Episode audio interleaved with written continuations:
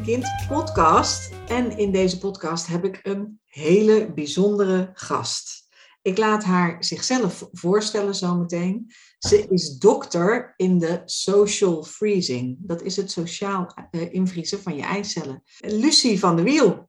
Hoi Evelien. Nou, ik vind het hartstikke leuk om bij jou uh, op de podcast te komen. Waar ik dokter in ben. Nou, ik, heb, uh, in, ik ben in Amsterdam gepromoveerd op de Universiteit van Amsterdam. En daar um, heb ik een proefschrift geschreven over het invriezen van eicellen en de genderpolitiek van leeftijd. Dus uh, eigenlijk meer de culturele analyse over ouder worden en hoe het anders is voor mannen en voor vrouwen.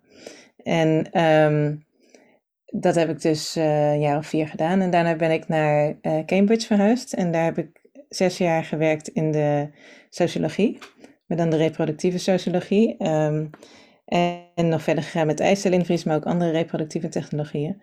En nu sinds een jaar ben ik universitair docent aan uh, King's College London.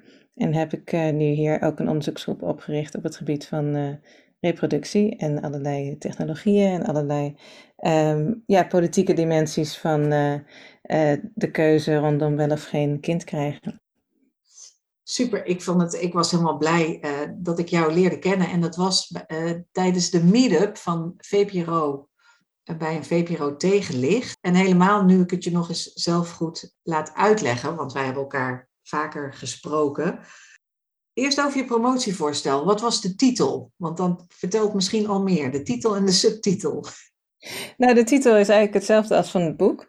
dus wat dat betreft is het niet heel veel veranderd. De titel is Freezing Fertility. Is uh, bevroren vruchtbaarheid of bevriezen van vruchtbaarheid. En de subtitel is um, uh, Gender Oocyte Cryopreservation, dus um, eicellen invriezen. En de Gender Politics of Aging, dus de genderpolitiek van leeftijd of van ouder worden. Ja, ik was er eigenlijk mee bezig omdat ik begon, ik begon ongeveer in zo 2009. Toen um, had ik besloten dat ik wilde gaan promoveren, maar wel over iets wat ik echt belangrijk vind in het leven. En dat is met name de mysterie van het begin en het einde van het leven. En um, ik had ook veel vriendinnen die ouder zijn dan ik. En ik merkte dat um, leeftijd eigenlijk een hele belangrijke categorie is van hoe je jezelf ziet, maar ook hoe je in de maatschappij staat. En dat er eigenlijk binnen de culturele analyse vrij weinig over geschreven was over leeftijd specifiek. En ik had uh, ook veel vriendinnen die bezig waren met hun menopauze. En ik dacht, goh, wat leuk, die menopauze, daar wil ik graag over schrijven. Dus ik had uh, een heel voorstel, was ik aan het schrijven over uh, de geschiedenis van de menopauze en de politiek van de menopauze. Maar, um, Voor mij nu heel, heel relevant, want ik zit... Ja. ja, ik heb er nog een beetje mee doorgegaan, maar uh, ik kwam toen ook een vriendin tegen in De Pels. Dat is een uh, cafeetje in, in Amsterdam. Ja. En die vertelde dat ze bezig was met een documentaire over het invriezen van eicellen omdat um, zij graag haar eicellen wilde invriezen, maar dat dat niet mocht in Nederland. Dus zij is toen naar België gegaan om daar haar eicellen in te vriezen. En, um, toen... Is dat Marieke Schellaert? Ja. ja. Ja, die ken ik ook. Ja. ja. en uh, nou ja, toen kwam dus haar documentaire ook uit uh, een ei voor later, dus die bespreek ik dan uh, in mijn proefschrift en ook in mijn boek. Maar ik, had, um, ik sprak dus met haar en dacht ik, goh, eigenlijk al die onderwerpen komen daarin terug. Het, het begin van het leven natuurlijk, maar ook, um, ook eindigheid van je leven, eindigheid van je vruchtbaarheid. Uh, bedenken wat wil, je, wat wil je met de rest gegeven dat de tijd niet oneindig doorgaat. Um, een beetje de, op afstand de problematiek die je ook hebt bij de menopauze over vrouwen en lichamen en leeftijd. Um, maar iets wat op dat moment heel actueel was, omdat het dus, uh, we hadden toen dat uh, Balken en de Vier kabinet. En uh, daar zat ook ChristenUnie in en de CDA. En die vonden dat allemaal niet kunnen. En tegen natuurlijk als vrouwen ouder kinderen zouden kunnen krijgen. En het eicellen invriezen was toen vooral, werd dat gezien als ja, een manier dat, dat vrouwen dus later kinderen zouden kunnen krijgen. En dat ze dat eigenlijk juist liever niet wilden. En dat ze dat onnatuurlijk vonden. En dat kwam eigenlijk omdat het AMC, die, die had al um, langer vroegen ze de eitjes in van vrouwen die bijvoorbeeld kanker hadden zodat ze toch een behandeling konden krijgen en niet onvruchtbaar zouden worden. Of althans, um, ondanks onvruchtbaarheid nog een eitjes uh, zouden kunnen gebruiken. En toen zeiden ze, nou op een gegeven moment is die technologie zoveel verbeterd. Dit zouden we ook aan vrouwen om andere redenen kunnen doen. Wat dus dan dat social freezing wordt genoemd. Ehm, maar uh, ja, dat vond het CDA en ChristenUnie geen goed idee. Dus toen dacht ik van, nou ja, wat raar eigenlijk, daar ga ik een proefschrift over schrijven. Want normaal gesproken is Nederland internationaal gezien redelijk vooruitstrevend, of dat dacht ik toen, uh, met, met sekswerk en met, uh, nou ja, met drugs en zo. En, maar blijkbaar was dit dan toch iets wat, dan heel omstreden was. En ehm, dat is wel onderdeel van een breder patroon hoor. Maar, maar destijds dacht ik gewoon wat vreemd eigenlijk. Ik moet hier een beetje naar gaan kijken van hoe het komt dat uh, een reproductieve keuze die, uh, ja, die voor veel mensen relevant is, dat, dat die in mijn eigen land niet toegankelijk is. Ik denk dat er ook inderdaad um, best wel een taboe op zit. En het verraste mij ook. Want ik weet nog, dus toen jij met dat proefschrift begon, ja. was ik helemaal in de blinde paniek over mijn kinderwens. Dus ik ben langs je heen gerend, hysterisch. uh, ik had al wel gehoord van eicellen invriezen, maar het was toen nog helemaal niet usance. Nee. Het was helemaal niet een gangbaar iets. En terwijl ik nu kom ik vrouwen, als ik vrouwen begeleid, met, met het werk wat ik doe bij Wil ik een Kind, is dat wel of niet eicellen vriezen, is een vraag die sowieso op tafel ligt. Ja.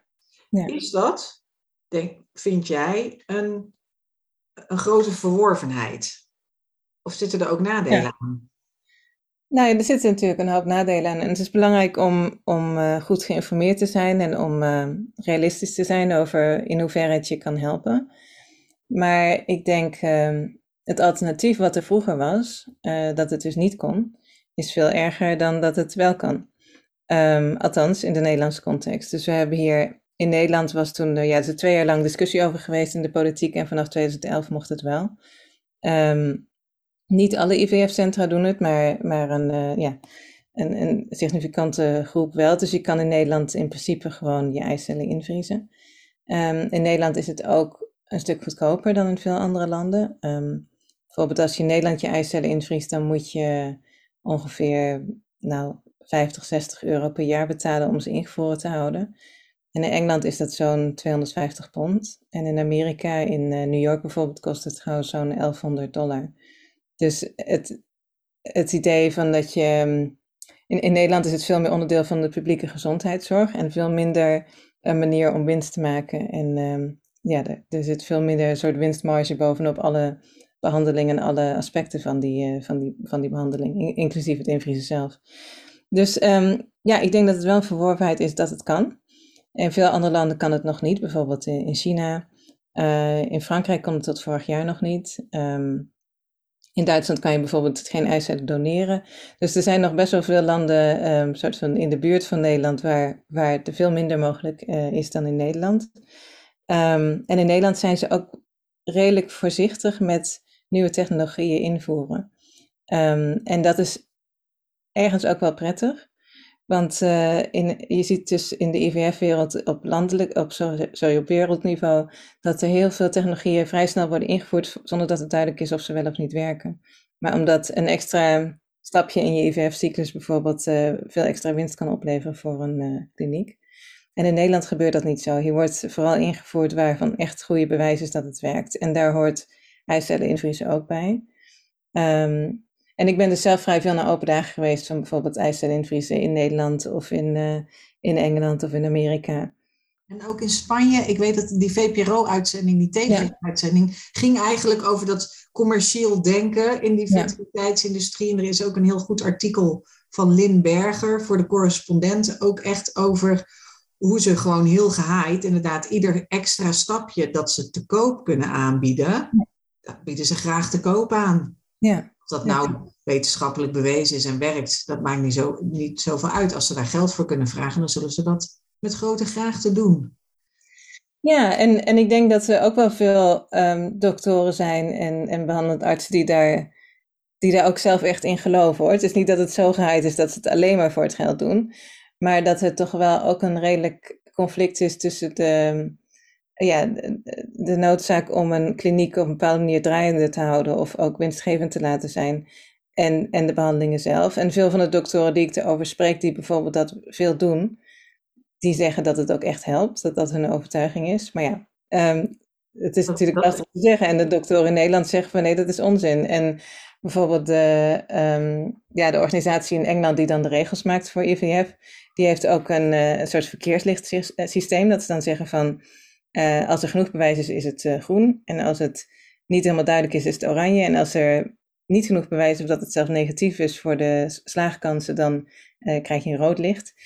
En alle extra technologieën zijn nu of oranje of, of rood. Dus daar zijn niet echt um, add-on... Dat, dat... dat is best wel negatief. Ja, ja, en dat is dus de, de grootste en oudste uh, regulator in, in, uh, in de wereld, uh, die, die in, de, in het Verenigd Koninkrijk. Dus die probeert dan op een neutrale manier toch die bewijsvoering te, te beoordelen. Je komt vanuit de sociologie, mm maar dit gaat heel erg over medische technologie. Ja. En wat is de, socia wat is de, socia de sociologische, niet de sociale, de sociologische component? Nou, omdat ik denk dat het hier gaat om meer dan uh, of een technologie wel of niet werkt.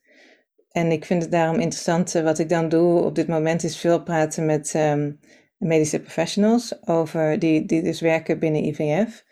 En als je bijvoorbeeld het hebt over die discussie over de, over de dus over die extra technologieën, dan is die discussie gedeeltelijk over bewijsvoering, maar het gaat ook over heel veel andere dingen die eigenlijk meer vallen binnen de sociologie. Dus uh, dat gaat veel meer over economie ook. Het gaat over de, de politiek van wat wordt er wel of niet onderzocht. Um, het gaat erom uh, uh, de culturele betekenis van um, niet alleen wel of geen kinderen krijgen, maar wat is er nodig om, om te arriveren op het punt waarvan je denkt van oh nu ben ik dus onvruchtbaar of nu ben ik klaar of nu um, ben ik nog steeds vruchtbaar door die technologieën. Dus um, er zijn heel veel aspecten aan die meer cultureel, politiek, economisch zijn, um, die ook een rol spelen in het veld. En ik merk ook, juist als ik met doktoren praat, dat die daar heel blij mee zijn. Dat ze zeggen van ja, mijn onderzoek gaat alleen over werkt de technologie wel of niet. Maar niet bijvoorbeeld over de investeerders die, die een rol spelen in, uh, in, in het eh, lopen van een kliniek. Of het gaat niet over de rol van um, uh, de financiering van onderzoek of over de, uh, de rol van politieke partijen in de, in de vorming van welke keuzes wel of niet beschikbaar zijn voor mensen. Dus al die dingen die buiten echt de clinical trials vallen, daar kunnen de doktoren, um, ja, die zijn daar niet voor opgeleid en, en ze doen af en toe een ingezonde brief of zo. Maar juist vanuit de sociologie kan je daar grotere structuren in zin in grotere verbanden. En uh, heb je de tijd om je daar vooral op te richten? Ja, dat, vind, dat heeft mij zelf ook mijn interesse. Ik ben natuurlijk cultuurwetenschapper van huis uit.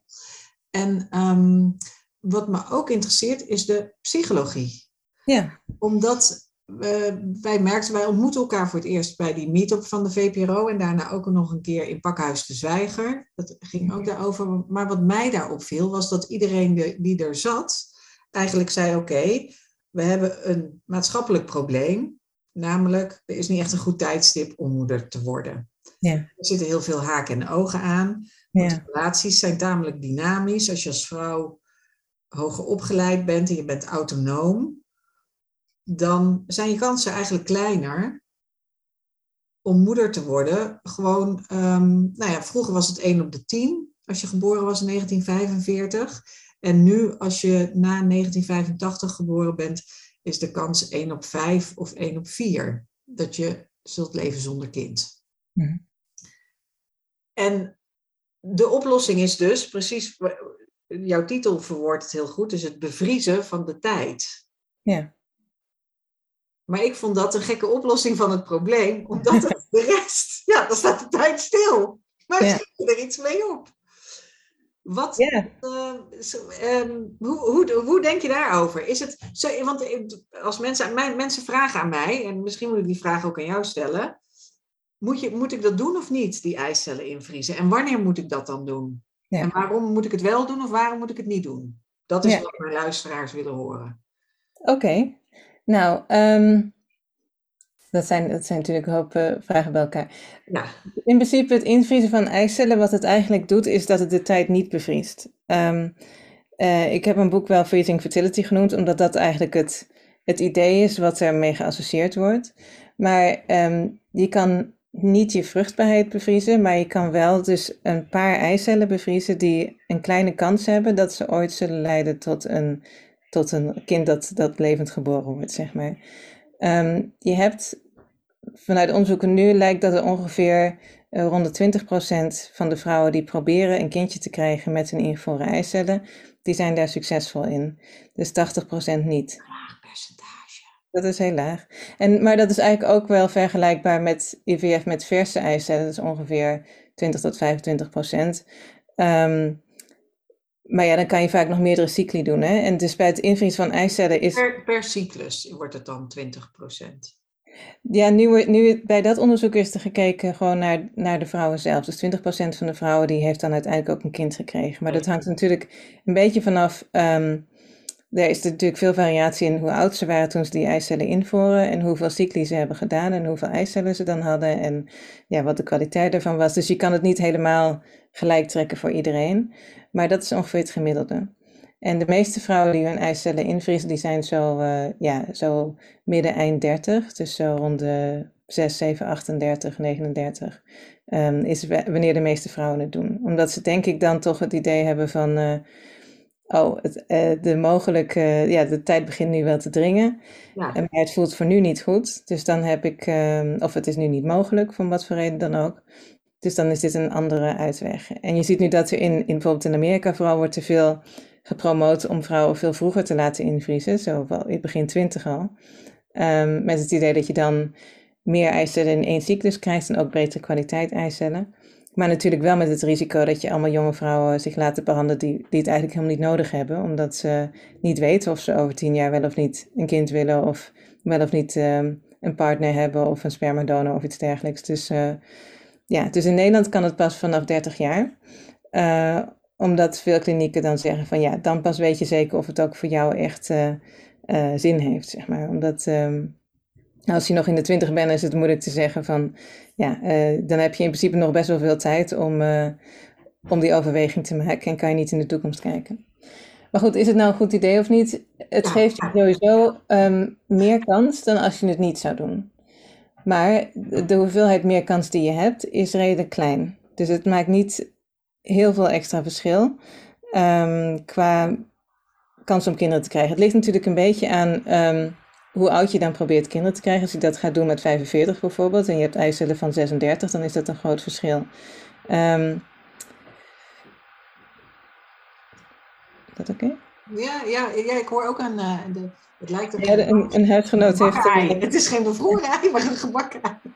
Die doet even de waterkoker aan, is dat erg? Nee, dat is niet. Zou ik doorpraten? Oké. Okay. Let ze er gewoon heen. Ja, het is te spannend. Het is te spannend. Oké, okay, dus um, je moet er rekening mee houden dat als je eicellen invriest, dat het eigenlijk geen garantie is. Maar dat het ook waarschijnlijk um, niet tot een baby zal leiden, maar het zou best kunnen. Maar de reden waarom toch heel veel mensen het doen, is eigenlijk ook een psychologische reden.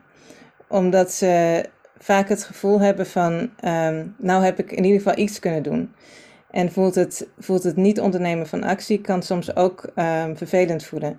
En als je dan je eicellen invriest, dan is het iets wat je kan doen, ook als je nog niet klaar bent om moeder te worden, of ook als de omstandigheden er nog niet zijn, dat je iets proactiefs kan doen wat wel um, uh, effect heeft. En daarom zijn er ook best wel veel vrouwen die zeggen van, uh, ik voel me er een stuk beter onder nadat ik het heb gedaan. Zelfs als het blijkt dat die eicellen het later niet doen, dan hoef ik in ieder geval geen spijt te hebben dat ik uh, dat niet geprobeerd heb of dat ik er niet alles aan gedaan heb. Maar en dat is ja. best wel. Het is, want het is, ik heb zelf een IVF-traject gehad met maximaal ja. hormonen gespoten, maar laat, mijn 39ste, uh, eh, denk ik. Uiteindelijk was ik 40 toen ik zwanger werd. Uh, nog net op de valreep, bijna 41 toen ik beviel.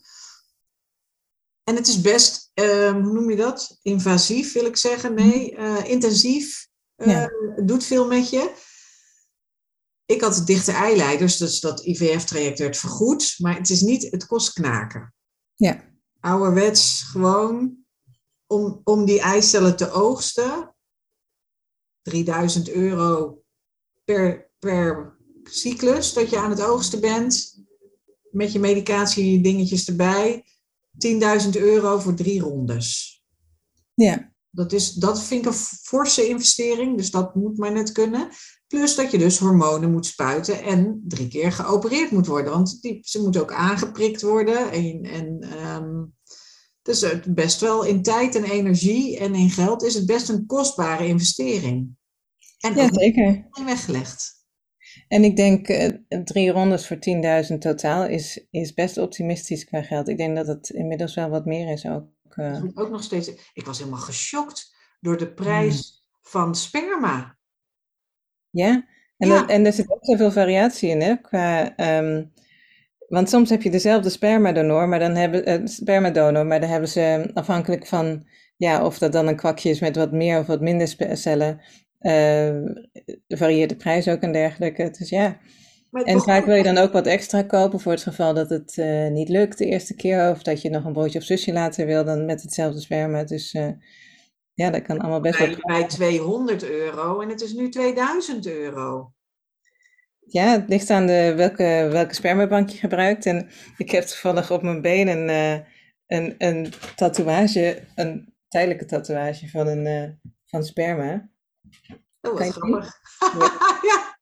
Want ik ben net deze week naar de grootste reproductieve technologieconferentie in de wereld gegaan in Milaan. En daar had... Uh, de dit soort stands, dat is een gimmick. Om hem binnen te lokken. Nou, dat is je hebt wel sperma op je been. Precies. Wel humor. Ja, die, die geven dan van die feestjes en dan krijg je de hele avond gratis cocktails. En dan komen op een gegeven moment al die uh, tijdelijke tatoeages worden dan erbij gehaald. En dan heeft iedereen sperma op de been. Um, ja. Want, dus dit was de grootste internationale conferentie. Heb je daar nog iets op gestoken? Behalve uh, dat ze gratis tattoos hebben.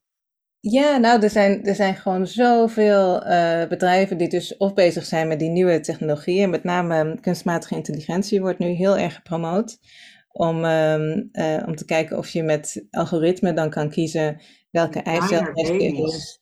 Of welke um, embryo het beste is.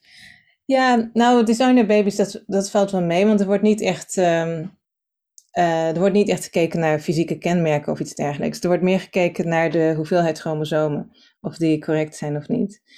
Maar ook daar blijkt van, ja, je kan het wel uh, uh, met allemaal mooie technologieën proberen, maar of het ook echt verschil maakt in hoeveel kinderen er nou geboren worden, dat, dat bewijs is er nog niet zo duidelijk. Um, maar goed, er wordt wel ontzettend veel in geïnvesteerd. Het is uh, hele grote bedrijven die, die zetten vooral die kunstmatige intelligentie heel erg op de voorgrond. En ja, het, is gewoon een enorme conferentie met 10.000 mensen. Het is, ja, het is een soort van um, COP26, zoals je van die klimaatconferenties hebt, maar dan voor, voor vruchtbaarheid. En uh, het is altijd heel bijzonder om daarbij te zijn. Ja, en het is dus um, big business. Zeker. Ja, want um, en dat is dus in, in Nederland, en ik denk dat de meeste van jouw luisteraars in Nederland zijn, die, um, is dat een stuk minder. Maar zeker als je naar het buitenland gaat, dan, dan zijn er miljoenen investeringen of honderden miljoenen investeringen in, uh, in vruchtbaarheidsklinieken. En daar zit ik in mijn werk, ben ik daar ook veel mee bezig. Dus niet zozeer dat bijvoorbeeld een kliniek commercieel is en dan een beetje winst maakt met, uh, met, met wat van die services verlenen, zeg maar. Maar het gaat veel verder dan dat, omdat je, wat je nu hebt de afgelopen tien jaar, is dat je dus investeerders hebt, die zijn bijvoorbeeld van die, van die hedge funds of private equity, en die, die kopen een kliniek en die wachten dan een paar jaar en dan verkopen ze de kliniek weer en dan hopen ze daarmee winst te maken met het kopen en verkopen van klinieken. En, um, en die praktijk zorgt voor heel veel druk op de klinieken om bijvoorbeeld meer cycli per jaar te doen, meer mensen binnen te krijgen, um, duurdere behandelingen te verkopen en, en dergelijke, omdat er zo'n druk op zit van de investeerders dat die kliniek moet groeien om meer waard te zijn um, als die weer verkocht wordt. Dit, dit Lucie, klinkt als, uh, als een. Nou ja, je hebt natuurlijk de Handmaid's Tale. Ik weet niet of je dat gezien hebt. Ja. Ik was het aan het kijken, maar samen met mijn lief. En die werd er helemaal misselijk van. Die zei: Nee, zet dit uit. Dit is zo. Dit, dit beeld van de man. Als weer, en ik werd er zelf ook een beetje mies van. Dat ik niet dacht. Hmm. Maar als ik dit zo hoor, je zegt net van nou ja, het is een oké verzekering. Maar het is uh, is, het, is het de kant die we op willen? Ja, nou, ik denk dat... Uh, ik denk oplossingen voor het probleem. Jazeker. Je kan, um, je kan doen wat jij doet, bijvoorbeeld. En, uh, en kijken meer naar de psychologische en de culturele kant van... Hoe komt het dat veel vrouwen zo lang niet weten of ze kinderen willen krijgen? Of dat ze, niet, of ze dat wel weten, maar niet in de om, omstandigheden zijn dat dat mogelijk is.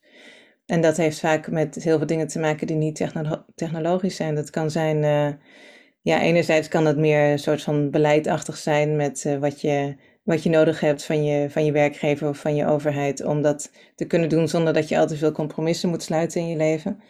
Um, maar anderzijds ook bijvoorbeeld met relatievorming en de trends die daarin zijn. Um, het heeft ook te maken met, het, uh, met, het idee, met de, culturele, de culturele ideeën over wat moederschap is en wat, um, wat het betekent om vrouw te zijn. In hoeverre kinderen krijgen iets is wat nog uh, wat, wat belangrijk is en hoe dat verschilt met deze generatie en vorige generaties. Dus um, er zijn ontzettend veel aspecten die een rol spelen in of mensen wel of geen kinderen krijgen. En uh, ja, dit, ik denk dat, dat die technologie die, die laat zien dat dat speelt, meer dan dat het een, een oplossing is. En, en het is ook dat we nu toevallig leven in deze periode, deze generatie ligt in deze tijd waarin deze technologie beschikbaar is. Maar het zou best kunnen dat de volgende generatie, van als wij kinderen hebben of zouden hebben, of hun generatie, zeg maar, van hun kinderen, dat die hele andere technologieën hebben. Bijvoorbeeld dat, dat, zij... dat kwam aan bod in een van die sessies. Was er een professor uit Gent, meen ik, die zei: Ja, jullie zijn allemaal eicellen aan het invriezen. Maar dat is al bijna, dat is al niet helemaal niet relevant meer, want we kunnen ook met stamcellen of met andere dingen kun je gewoon een kind maken uit de schilfer van je huid, bij wijze van spreken. Kunnen ja. we DNA uithalen en dan is het allemaal een hoop gedoe. Ja, dat is dus van uh, um, de Lopez uit, ehm, uit de Universiteit van Leiden. En zij doet dat werk dus om te kijken inderdaad of je stamcellen kan differentiëren tot eicellen en, en ook spermacellen. En dat je dus op die manier, um, dat, ja, als je dat zou kunnen doen, dan heeft het natuurlijk helemaal, het helemaal niet nodig om je eicellen in te vriezen. Met het idee dat bijvoorbeeld als je van huidcellen eicellen kan maken, um, en dat die dan dat ook goed blijven doen op het moment dat je wat ouder wordt, dan, uh, dan hoef je ze ook niet meer in te vriezen. En in die documentaire was er iemand anders die zei ook van ja, maar we gaan niet eicellen invriezen, we gaan de ovarieel weefsel invriezen. En als je een stukje van je eierstok eruit haalt, daar zitten honderden of duizenden eicellen in. En die kan je dan uh, laten overleren buiten je lichaam. En dan, nou ja, dan heb je gelijk veel meer eisen dan je zou hebben dat met zo'n hele IVF-procedure. Maar het probleem met al die dingen is dat, nou ja, waar, waar Suzanne het over heeft met dat uh, in vitro gametogenesis heet dat. Um, dus dat stamcelverhaal, dat, dat, dat kan nog lang niet. Dat, uh, dat is bij muizen gebeurd, maar ja, dan heb je honderden muizen waarvan het dan lukt bij eentje. Um, en ja, tegen de tijd dat dat bij mensen lukt, dan moet je en allemaal ethische hoepels door, maar ook, ook is dat nog niet uh, zodanig mogelijk op dit moment. Dus als het ooit klinisch mogelijk zou zijn, dan zit dat nog decennia in de toekomst. Nee, dat um, nog niet.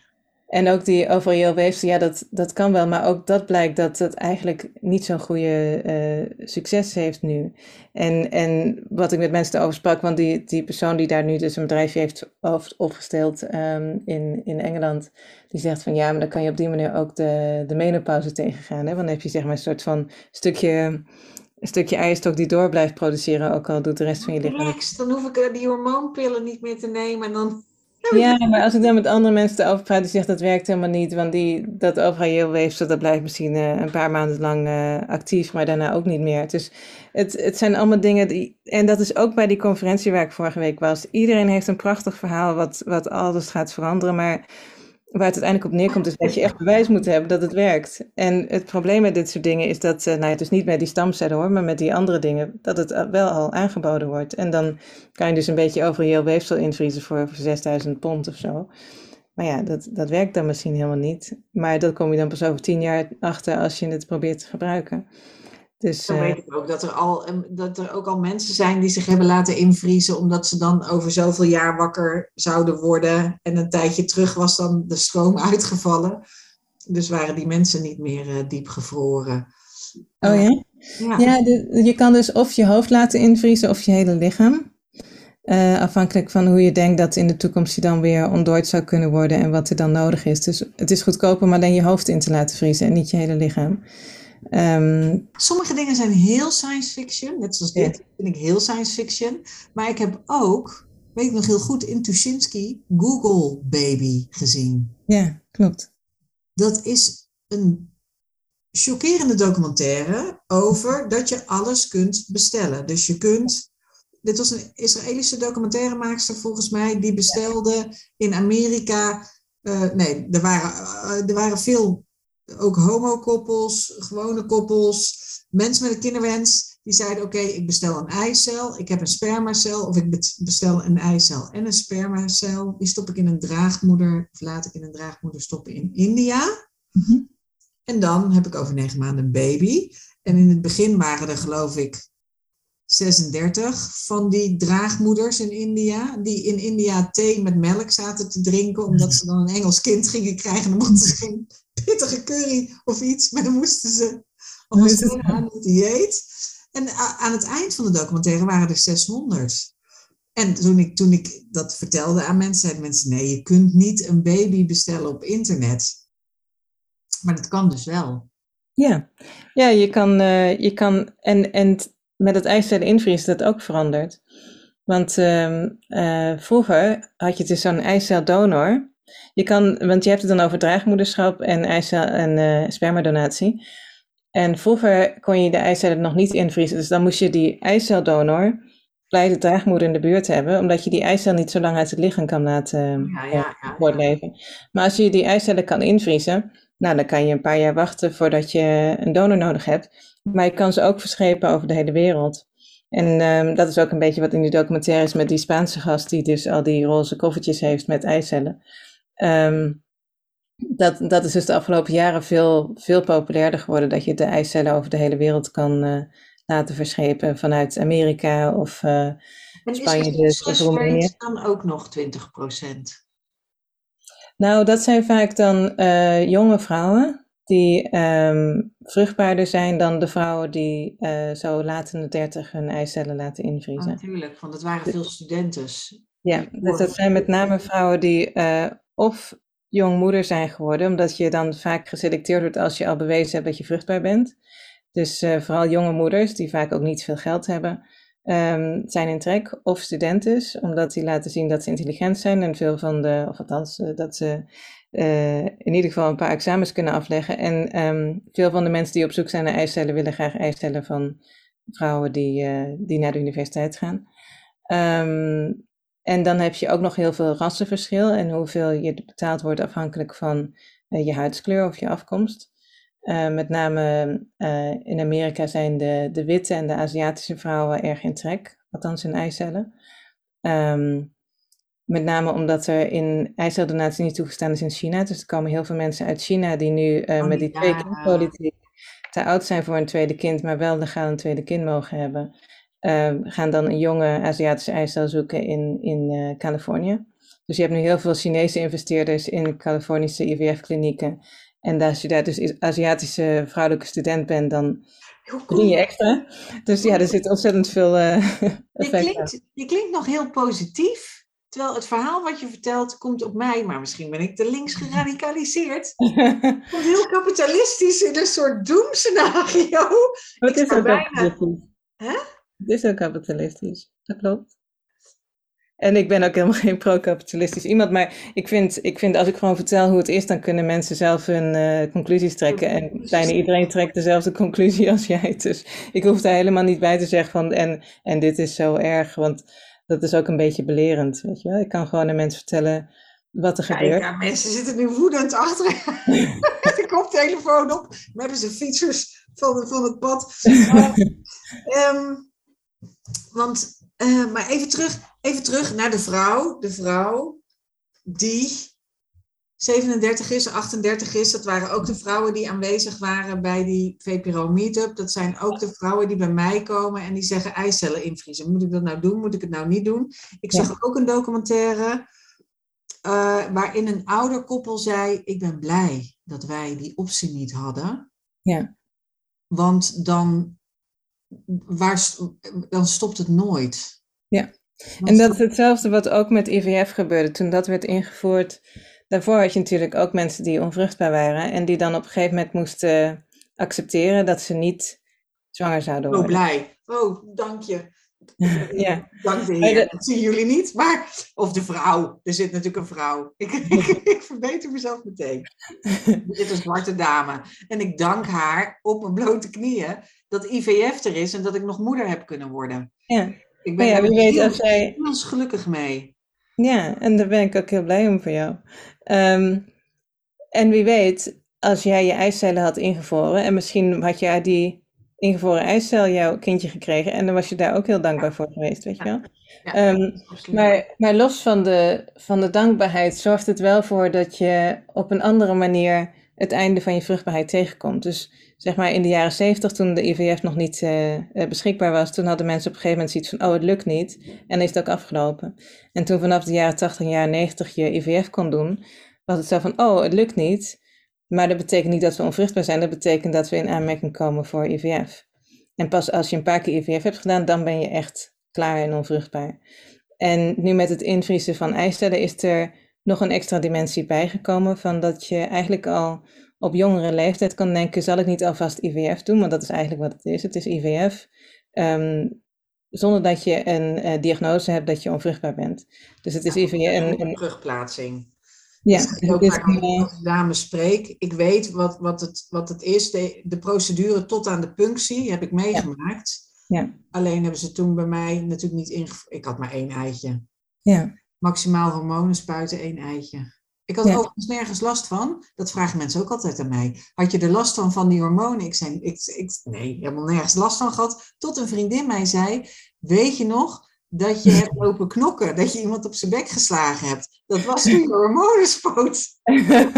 Ging ik terugdenken en dacht ik, ja, ja. "Ja, dat klopt. Ik heb inderdaad iemand op zijn bek gerost. Wat goed. Maar goed, Of niet, of niet goed. Ja, ik weet. Ik weet ook vrienden, maar... ehm, ja, nee, er zit ook heel veel variatie in. En, en tegenwoordig is er ook wel, zijn die hormonen wat veiliger geworden. Dat je niet zo gauw ehm, overstimulatie krijgt of hyperstimulatie. Dat is eigenlijk het grootste risico. maar ja. Maar het gebeurt toch bij sommigen wel. En ehm, eh, ja, dus dat, het, het is een risico, maar veel mensen hebben er ook inderdaad helemaal geen last van. En ook die punctie, bij sommigen is dat heel pijnlijk of eh, hebben daar dan nog heel veel eh, narigheid na afloop. En bij sommige mensen stelt het echt niet zoveel voor en dan zijn ze binnen een paar uur weer prima. En eh, ja, Ja. Dat, was, ik had het, dat was bij mij. ja, Ik ben een gunstig iemand om mee te praten voor mensen die, dit, eh, die dat willen weten. En ehm, En als ik nog één ding daarover mag zeggen, over het algemeen hebben de vrouwen die hun eicellen invriezen minder last van die IVF-procedure dan eh, vrouwen die IVF doen om dan zwanger te worden. Ehm, en dat is ook waarschijnlijk meer psychologisch iets dat er niet zoveel druk op zit om op dat moment zwanger te worden. Of dat er echt ehm, eh, het idee is van het is nu of nooit. Het is vaak meer een gevoel van, oh nu doe ik eindelijk iets waarvan ik al heel lang tegenaan hik. En nu is het een beetje van, hé, nu doe ik eindelijk wat. een groot probleem van de vraag: wil ik een kind? Ja. is Dat, je op, dat als de, de, de, de klok begint te tikken en je, en je ziet dat je vruchtbaarheid afneemt, dat je dan tijdsdruk, tijdsdruk voelt en machteloos bent. Ja, precies. En daar werkt het heel goed voor, om dat, om dat gevoel tegen te gaan. En, ehm, en, dat, ja, en daarom hebben dus veel vrouwen best wel positieve ervaring als ze hun eicellen invriezen. En blijkt ook van wat ze dan vertellen dat ze veel minder lichamelijk klachten ook voelen, omdat ze eh, een soort van een positievere mindset ook hebben eromheen. Terwijl veel vrouwen die doen, die Ja. IVF doen, die, die hebben gemiddeld genomen althans vaak wat meer, eh, ervaren het negatiever en, en zwaarder en heftiger. Ja, en die komen uit die hele medische malle molen en die zijn net allemaal, die hebben allemaal moeten incasseren al, dat het, dat het niet, nooit op de natuurlijke wijze gaat eh, gebeuren. Ik heb nog één ding, wat me, iets wat me bijbleef, is dat als je je eicellen ingevroren hebt in Nederland, Dat je helemaal niet mag bepalen of dat je die eicellen gebruikt, maar dat, het, dat ze bij het ziekenhuis kunnen zeggen, nou probeer eerst nog gewoon zwanger te worden en als dat niet lukt, dan mag je je eicel gebruiken. Ja. Huh? Ja, dat gebeurt in Engeland ook. Dus ehm het kan zeg maar fresh first of frozen first. Dat je begint met de... Oh, met fresh de... first of frozen first? en eh, ja, dat ligt een beetje aan je situatie. Want het, het punt met die bevroren eicellen is natuurlijk dat als je ze eenmaal gebruikt, dan ben je ze ook kwijt. Terwijl als je, ehm, als je gewoon de eicellen gebruikt die in je lichaam zitten, in je eierstokken, dat kan je nog een paar keer proberen van tevoren. Dus als die mogelijk nog goed genoeg zijn, dan, ja, dan ben je nog niet je bevroren eicellen kwijt. Dus dan, soms wordt er de gezegd, kwaliteit van die, stel nou dat je op jonge leeftijd je eicellen laat invriezen. Ja. weet ik veel, je hebt voldoende geld, je doet het op je 22ste. En je bent 37 en je zegt, nou wil ik moeder worden, maar ik wil graag die jonge eitjes gebruiken, want die zijn toch kwalitatief beter? Ja, maar ik denk als je 37 bent en je hebt geen indicatie dat je onvruchtbaar bent, dan hoef je überhaupt geen IVF te hebben. Dan kan je gewoon insemineren. Of je kan, uh, het heet dan IUI, dat je dan laat insemineren in de baarmoedermond of voorbij de baarmoedermond met een slangetje. Of je kan het gewoon thuis doen met een uh, spuitje. Um, dus dan is er helemaal geen indicatie voor IVF. Tenzij dus blijkt dat je sterk verminderde vruchtbaarheid hebt, of, of inderdaad uh, dichte eierstokken of uh, eileiders of iets dergelijks. Dan kan je wel overstappen naar IVF. Maar in eerste instantie om zwanger te worden, hoef je niet per se IVF als je verder geen indicatie hebt dat je, dat, je onvruchtbaar, dat je onvruchtbaar zou zijn. Nee, maar is niet, ik bedoel de kwaliteit van het eitje zelf. Omdat ze zeggen, ja, je krijgt meer miskramen. Dus de kwaliteit van die eitjes door het verouderen van je lichaam dat je zelf ziektes krijgt en alles. Nou ja, ik ben 49. Ja. Het verval is ingezet. dat geloof ik wel, maar dat ook, dat ook de, de, het, de, de kwaliteit van de eicel gewoon intrinsiek, de intrinsieke kwaliteit van de eicel, dat die hoger is als ik 24 ben dan nu ik tien jaar gefeest heb. En then some. En dan met dat eitje probeer. Krijg ik dan een beter kind? Eigenlijk is dat denk ik mijn vraag. Krijg ik met een jongere eicel niet een beter kind? Ja, dat. dat um... Nou ja, het gaat, het gaat vooral om of je, of je er wel of niet zwanger mee kan worden. En wat je dan hebt met die jongere eicellen is wel dat die natuurlijk uh, ook een beetje in een rare situatie zijn. Want die zijn al uit je lichaam gehaald en dan zijn ze ook nog eens ingevroren. En in principe, hoe lang ze invoeren zijn, maakt niet zoveel uit voor de kwaliteit. Maar je merkt wel dat uh, als je dan weer ontdooit, dan overleven ze dat niet allemaal. Dus die eisen, die hebben dan wel niet met je gefeest en die zijn niet ouder geworden, maar die hebben toch ook wel een reis doorstaan. Ja, in de vriezer gelegen. ja. En als jij nog uh, eicellen hebt in je lichaam, die gewoon uh, netjes in je eierstok zitten en dan spontaan gaan overleren, die, die zijn eigenlijk in een veel rustiger omgeving en in, in een prettige omgeving, waar als dat gewoon goed werkt, dan, uh, dan valt daar ook wat voor te zeggen. Dus daarom maakt een arts samen met een patiënt overwegingen op het moment dat iemand zwanger wil worden. Van wat, wat geeft jou de beste kans? En wat zorgt ervoor dat je die optie behoudt voor in de toekomst, zoals het misschien niet meer uh, lukt met je eigen eicellen. Maar ook, uh, ja, wat is de afweging van hoeveel interventie je nog wil ondergaan? Want je, als je het met verse eicellen doet, IVF, dan moet je natuurlijk weer die cyclus doorheen. Dat zou je misschien ook niet willen. Um, en ja, je hebt misschien een hogere kans met jongere eicellen die eerder ingevroren zijn. Nou is dat in Nederland sowieso niet uh, aan de orde, want uh, je kan helemaal niet invriezen met 22. Uh, eh, omdat het hier pas vanaf 30 gaat. 30, ja. Um, maar dan nog, ja, dan, dat is gewoon een afweging die, die je samen met je arts moet maken, afhankelijk van wat voor testen er terugkomen. En um, ja, dat, er dan, dat je daar een advies moet inwinnen van mensen die, die specifiek naar jouw situatie kunnen kijken. Hmm hey, en nou, dus, uh, ik denk dat we diep genoeg ingegaan zijn op het hele uh, invriezen zelf. Wat, wat, wat voorzie je voor de toekomst? Voor jezelf en voor, en voor want je bent nu dus um, universitair docent. Mm -hmm. dus, dus er zijn allemaal studenten die komen bij jou, die ook in de fertility uh, zich bekwamen. Ja. Bij de onderwerpen waar zij zich mee bezighouden. En wat, en wat ga jij nog doen? Ja, want ik heb nu een student die gaat bij mij beginnen over um, um, artificial wombs, dus kunstmatige baarmoeders. Om te kijken of... Uh, Zo of, science fiction, toch? Hoe dat allemaal ontwikkelt. meteen. Het is meteen. Dus die gaat daar naar kijken. En we hebben studenten in de, in de groep uh, die kijken naar baarmoedertransplantaties. Dus uh, kan je... Zo'n artificial womb is trouwens ook super chill als je er gewoon serieus over nadenkt, dat je niet zwanger hoeft te zijn en niet ermee hoeft rond te lopen. Ik vond het prima hoor. Ik heb ook niet heel veel last van gehad, maar er zijn ook mensen die zien er enorm tegenop. Ja, en nogmaals, dat is iets wat, wat nu nog niet kan hoor. Maar het is wel goed om er nu al over na te denken van stel dat het wel kan. Um, hoe moeten we dat dan wel of niet gaan organiseren? En wat zijn de gevolgen daarvan? En wat denken mensen er nu over? Enzovoort.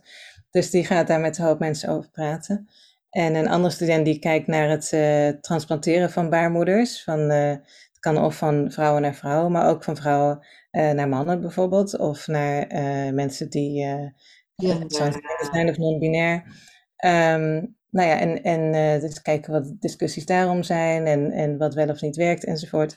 Dus dat hele baarmoedergedeelte is ook, is ook interessant los van de eicellen.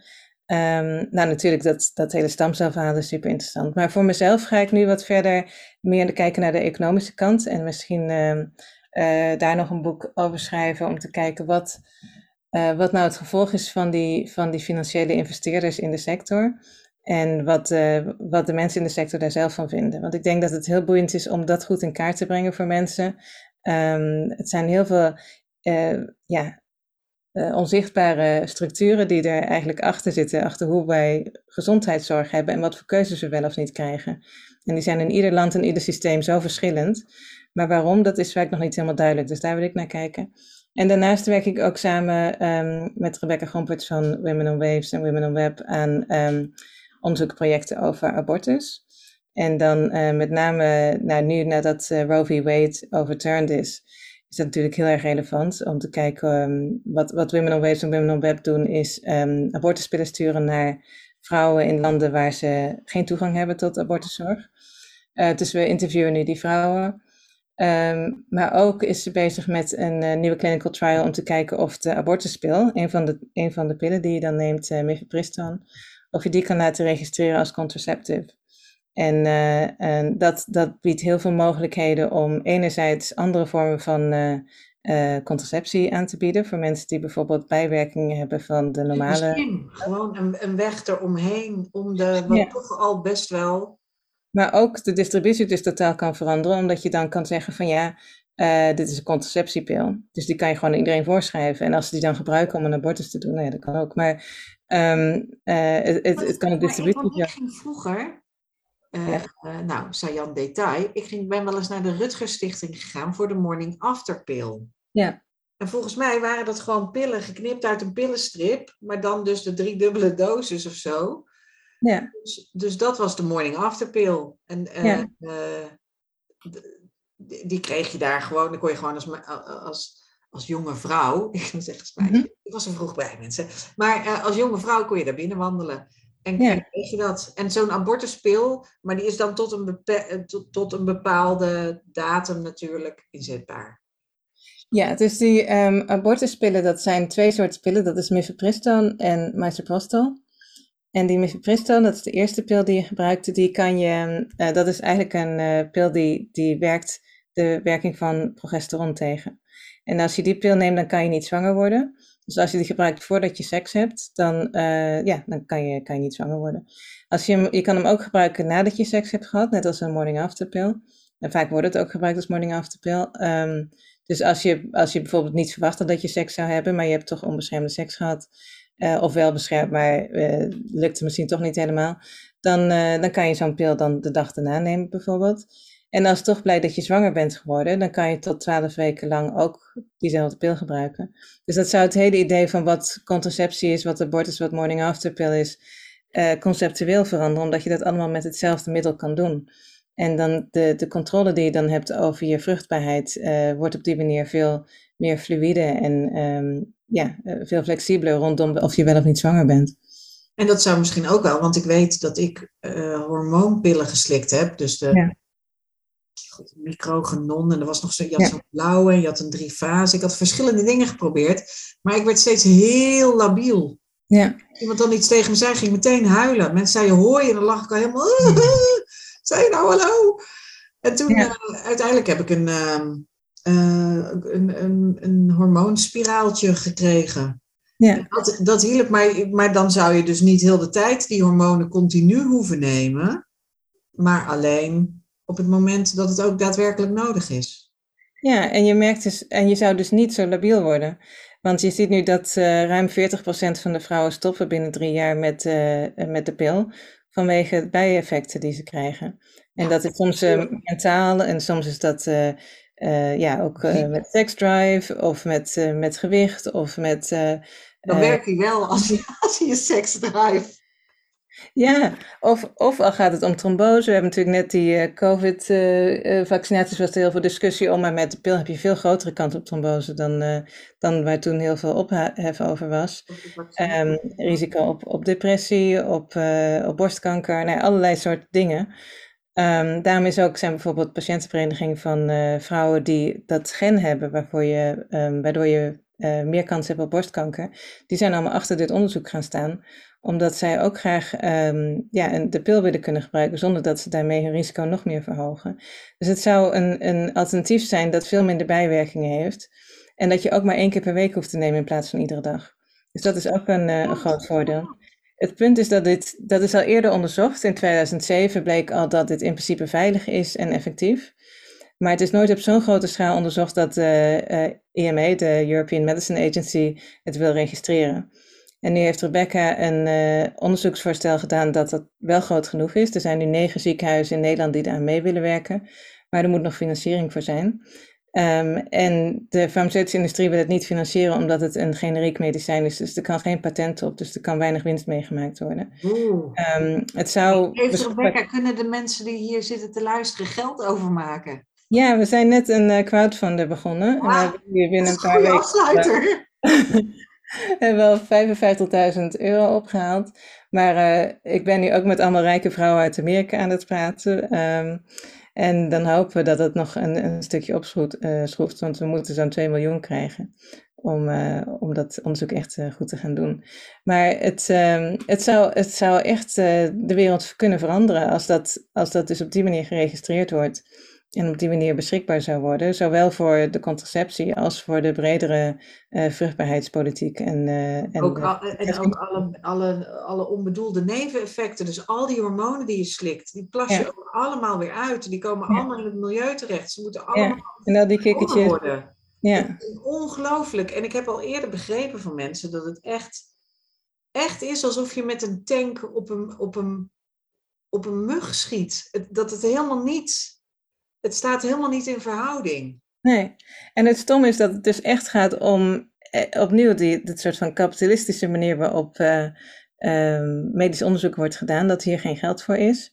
En dat het ook gewoon een, uh, ja, dat er ook vanuit de, vanuit de niet-kapitalistische um, onderzoeksfinanciering toch ook een redelijk conservatief idee is van, oh, moeten we dit wel willen en hebben vrouwen dan niet al te veel controle of hebben dan niet meer de hand wie wel of geen abortus heeft ja, um, het, met heel veel uh, klinische onderzoek kan je niet controleren over hoe mensen de medicijnen gaan gebruiken als je buiten het onderzoek om. Maar je, je gaat in principe vanuit, als je iemand bijvoorbeeld paracetamol, uh, die kunnen ze gewoon in de winkel kopen.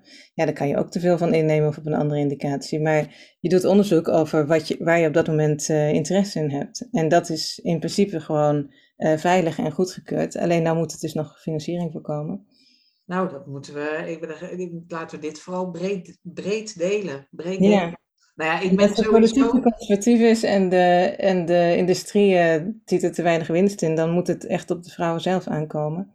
Maar en, uh, dat gaan we medische wetenschap, daar ben ik zo blij dat je bestaat. Ik ben sowieso blij dat je bestaat. Ik ben ook blij dat jij bestaat.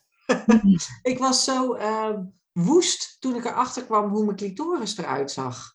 Ja. Omdat ik daar zo laat achter kwam. En toen ik zag wat het was, toen was ik woest. Ja. Dat, dat, nu pas, dat dit afgelopen schooljaar, we zitten nu vlak voor de schoolvakantie, maar dit was het eerste schooljaar met in de biologieboeken in Nederland de clitoris afgebeeld zoals die is. En tot die tijd ja.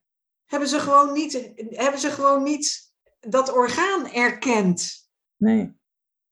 Nou, dus een, een, een, nieuwe, een nieuw gevoel bij de definitie pislink is hier.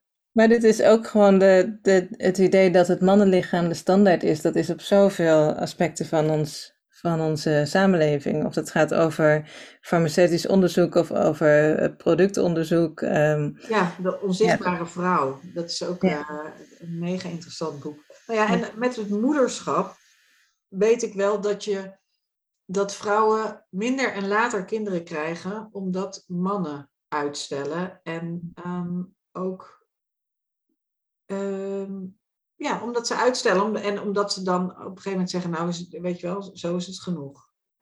Ja, en het is ook wel um, belangrijk om daarbij te zeggen dat in Nederland zijn in heteroseksuele relaties is de man gemiddeld drie jaar ouder dan de vrouw.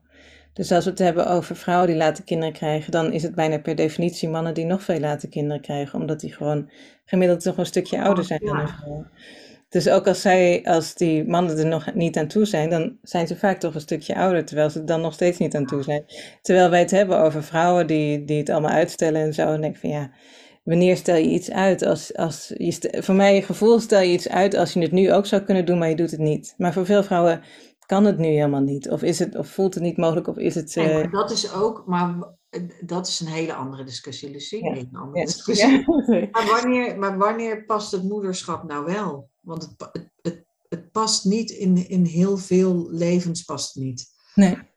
Uh, dus dus dat, dat blijft, en daar begonnen we dit gesprek mee, maar dat je ook al zei, het ligt ook aan de omstandigheden, zoals bijvoorbeeld gratis opvang en ja. gelijke uh, huishoudelijke taken en niet een babyboete en evenveel verdienen als mannen.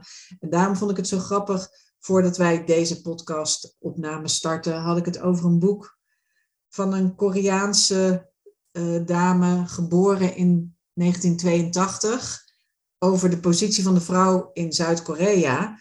En die is veel, die is significant slechter dan dat de positie van vrouwen hier is. Dus als je daar naar luistert, denk je, ah, wij hebben alles. Maar als je mijn werk doet en ook als je jouw werk doet, dan weet je dat moederschap um, interfereert met een, een volledig leven leven, zoals je dat zou willen zonder moederschap. En de ja. is dat vaderschap dat niet doet. Nee. Ik heb ook gesprekken gehad met vrouwen die zeggen: nee, ik, ik, hè, ik, ik kies voor kindvrij, ik wil leven zonder kind en ik ben bewust kinderloos, hoe je het noemen wil. Maar als ik dan in gesprek zeg: Goh, en had je het vaderschap, had dat, was dat anders voor je geweest? Ja. Dat een groot aantal van die vrouwen zegt: Ja, dat had ik nog wel willen overwegen. Ja. Soms zit dat in de fysiek, maar vaak zit het ook in volledig je leven kunnen leven en alleen rekening houden met jezelf. Niet het huishouden hoeven doen. Niet je carrière op een lager pitje zetten. Niet eh, hoeven te hosselen voor alles. En voor je geld. En voor de agenda. En voor de zorg. Want dat is natuurlijk, je zit in een zorgsandwich. Je ouders worden ouder. Wie gaat dat doen? De dochters. Dames en heren thuis, de mantelzorger. Daar hangt geen piemel aan. dat zou kunnen zeggen. Ja. Dus, en het is niet eerlijk, want er zijn ook wel mantelzorgers, er zit wel een piemel aan. Maar het, ik geloof dat de percentages, die kan ik nog eens opzoeken, maar het merendeel is vrouw. En zo zijn er heel veel onbetaalde, ondergewaardeerde, niet geziene klusjes. Ja. En, die, en bij het moederschap komen die soort van samen. Dus ik kan me ook wel voorstellen dat je zegt, stop de tijd. Ja. Stop de tijd. Ik moet hier nog even ik heb nog even nodig. Precies. En ik denk ook dat het daarin juist belangrijk is, jij vanuit de cultuurwetenschappen en dan ik vanuit de sociale wetenschappen ook, dat, um, dat we dat soort dingen bekijken op een structurelere manier omdat uh, vaak gaat het dan over van, oh, maar voor mij is het niet zo, voor mij is het wel zo, of voor mijn vriendin is het wel of niet zo. Maar je moet kijken naar bijvoorbeeld de statistiek. Dat, ook al ken jij toevallig drie mannen die mantelzorgers zijn, als het uh, over het algemeen maar 10% is, of wat het dan ook is, dat weet ik niet. Maar dan moet je eigenlijk kijken naar die patronen en wat wordt er daarmee voortgezet. Ook al ben je het persoonlijk niet mee eens of is het je persoonlijke ervaring niet. En uh, ja, dat, dat zijn dus de dingen. Dat is een hele waardevolle toevoeging. Nee, je moet het uiteindelijk weer terugtrekken naar de feiten en wetenschappelijk maken. Want je hebt al die persoonlijke verhalen. Vrouwen hebben die persoonlijke verhalen nodig om ze te agenderen. Ja om, om, om mensen wakker te schudden, om, de, om het op de politieke agenda te zetten, om te lobbyen. Ja. Maar het maakt ook dat mensen zeggen, ja, dat is in jouw geval. Ja. En dan moet je komen met, feit, met, met feiten en met cijfers en met statistieken. En dat je zegt, nee, dit is niet in mijn geval. Dit is de feitelijke situatie. Ja. En willen we daar iets aan veranderen? Nou, gaan we doen. Ik ga bij deze podcast een linkje ook maken uh, misschien heb jij een website of kunnen mensen je boek ergens vinden of je, weet ik veel, beter volgen? Uh... Ja, um, ze kunnen me volgen op Twitter uh, met mijn naam Lucie van de Wiel. En ik heb een website dat is freezingfertility.com.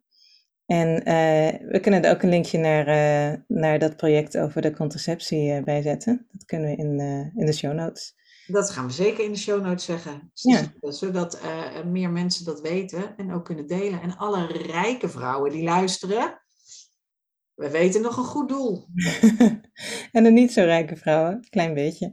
En een klein beetje, alle beetjes helpen, zeker. Ja, of deel het met je vrienden, of heb het er gewoon over, uh, met, met vrienden en vriendinnen over. Want ja, de meeste mensen hebben ermee te maken. Um, veel mensen zijn heteroseksueel en willen niet voortdurend kinderen krijgen. Dus die, uh, ja, dan is contraceptie iets wat heel veel mensen aangaat.